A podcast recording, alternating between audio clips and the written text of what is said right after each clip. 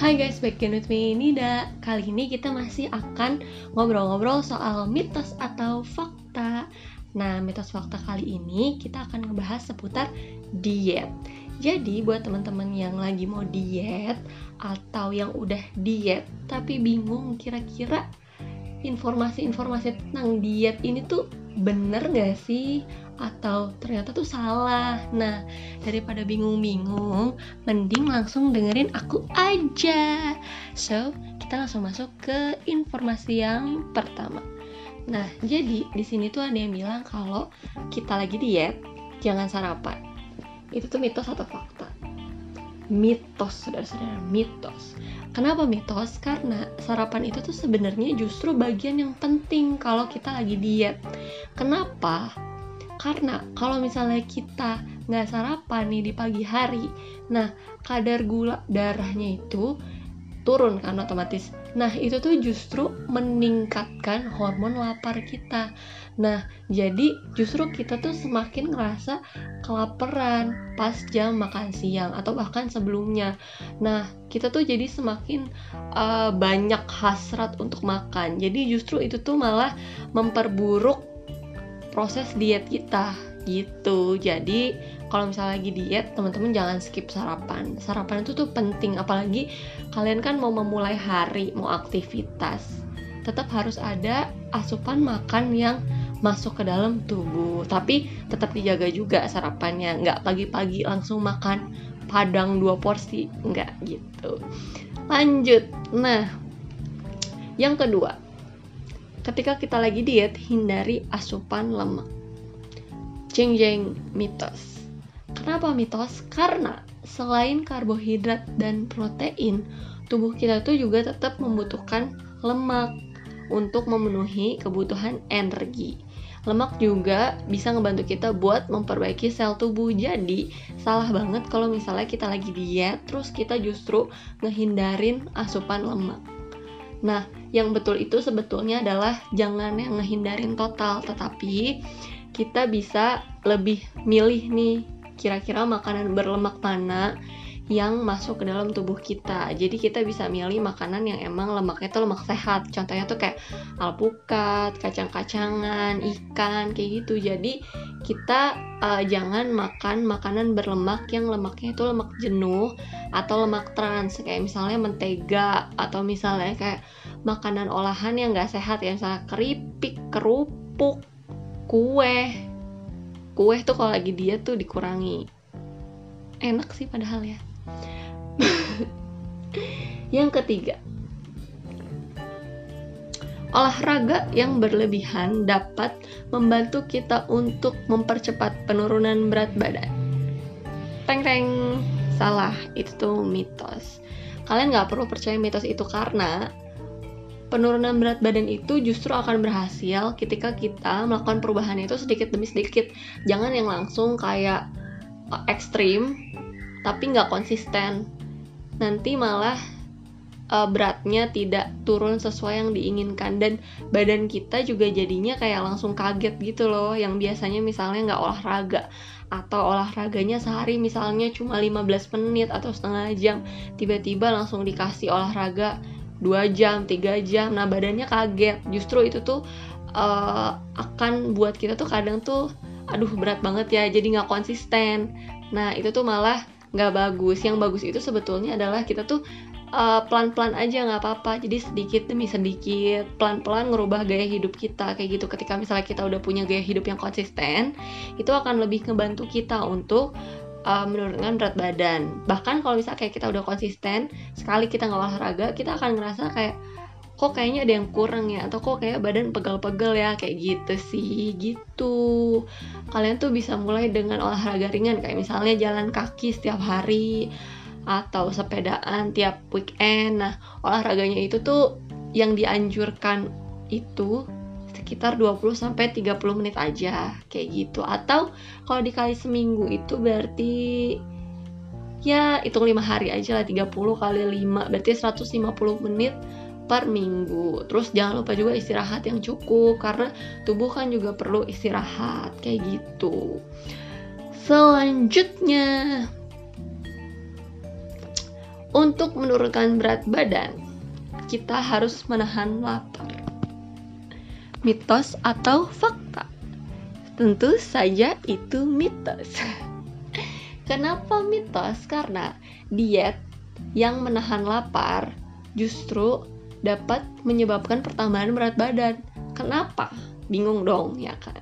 Karena sebenarnya ketika kita menahan lapar, nafsu makan kita tuh kemungkinan bakal meningkat bahkan jadi lebih besar gitu nah ketika misalnya kita udah nahan terus ya sekalinya pas datang waktu makan kita itu kita bisa makan justru kayak dalam porsi yang lebih banyak nah itu tuh nggak bagus sebenarnya selain itu juga kalau misalnya kita nahan lapar itu bisa uh, bisa membuat tubuh kita itu kehilangan atau kekurangan nutrisi dan energi. Jadi walaupun kita diet makannya tetap harus diatur. Yang benar diet itu bukan berarti kita nahan lapar juga sih. Lebih ke gimana cara kita bisa menjaga gimana cara kita bisa mengatur pola makan kita kayak gitu supaya tubuh tetap bisa aktivitas tetap punya energi tetap nutrisinya bagus seimbang gitu. Jadi mungkin bisa dicoba kayak misalnya kita ngebagi porsi makanan itu jadi kayak lebih kecil-kecil aja. Cuma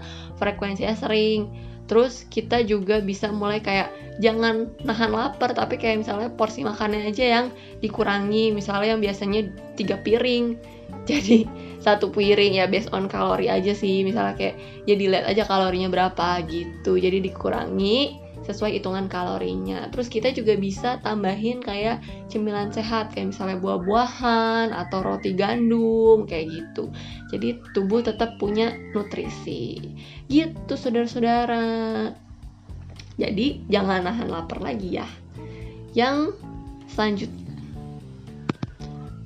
makanan kemasan berlabel berlabel rendah lemak pasti lebih sehat. Kata siapa?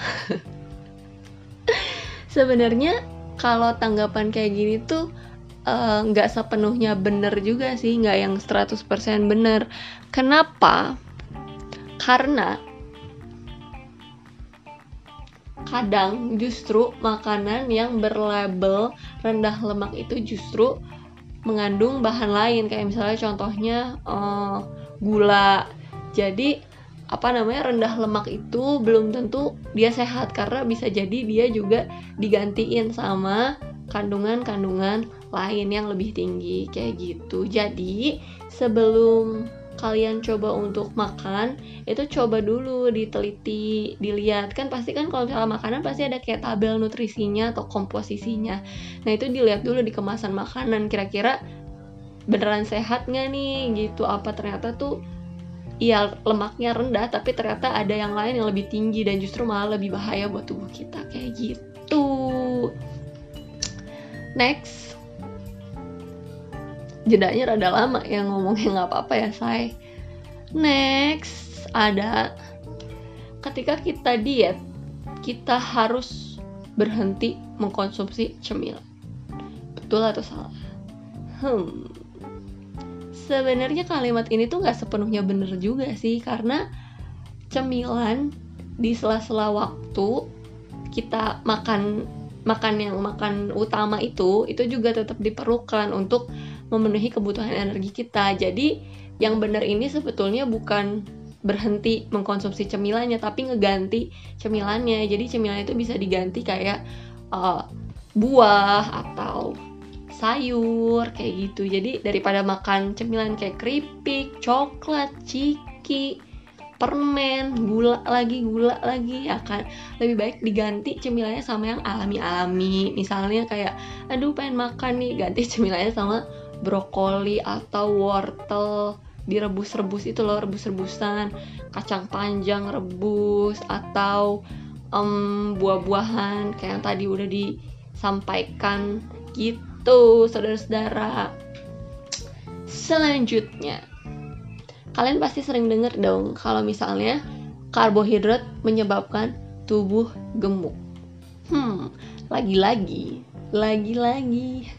Kalimat ini tuh tidak sepenuhnya benar. Kenapa? Karena karbohidrat juga diperlukan oleh tubuh sama kayak lemak tadi. Cuma emang kita itu harus mengkonsumsinya dalam porsi yang tepat supaya nggak bikin kegemukan kayak gitu jadi perlu dipilah-pilih juga kira-kira karbohidrat mana yang bisa untuk dikonsumsi oleh kita ketika kita lagi diet supaya kita tetap bisa dapat manfaat dari karbohidrat itu sendiri. Contohnya mungkin karbohidratnya bisa dari uh, kacang-kacangan atau biji-bijian atau buah yang berserat kan juga ada karbohidratnya. Sayur-sayuran pun juga mengandung karbohidrat gitu. Jadi karbohidrat juga penting untuk tubuh gitu saudara-saudara.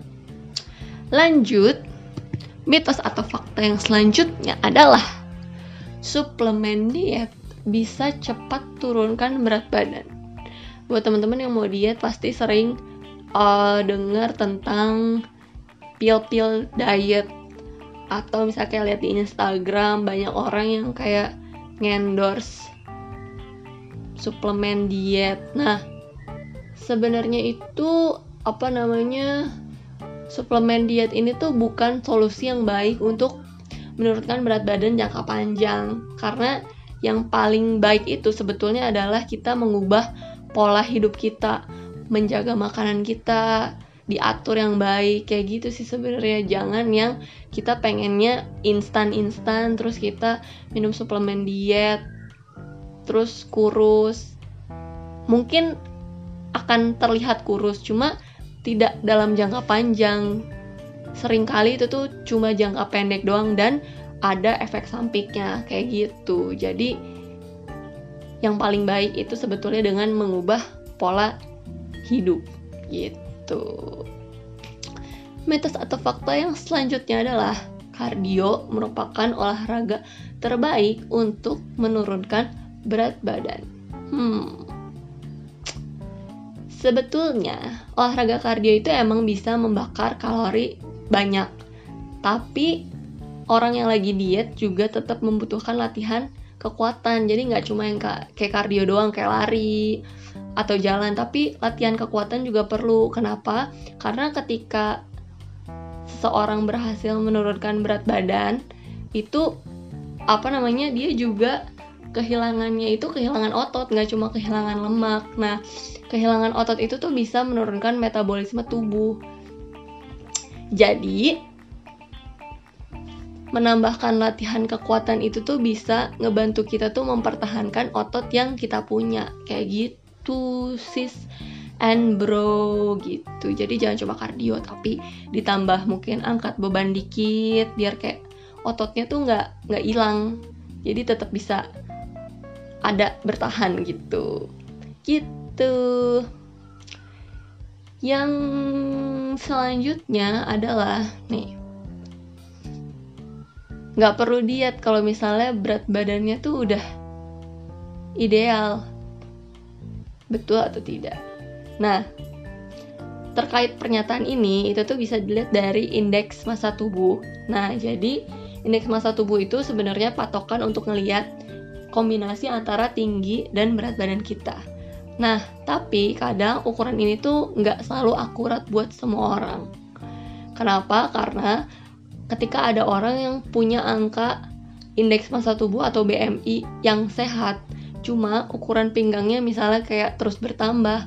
Nah, orang itu tuh juga punya resiko untuk mengalami penyakit jantung atau pembuluh darah gitu. Jadi, apa namanya, eh, nggak uh, selalu angka BMI itu bisa jadi standar untuk ngelihat apakah kita perlu diet atau enggak. Tapi kita juga perlu ngelihat apa namanya hmm, apa sih namanya sih itu? Aduh, aduh, aduh, aduh. kita perlu melihat hal-hal lain gitu hal-hal lain yang terjadi di tubuh kita seperti itu. Jadi pola makannya juga harus diatur gitu sih saudara-saudara Oke deh. Kayaknya itu aja mitos. mitos atau fakta yang ku sampaikan hari ini terkait dengan diet. So, buat teman-teman yang lagi diet atau mau diet, semangat. Oke. Okay. Bye. Have a nice day everybody.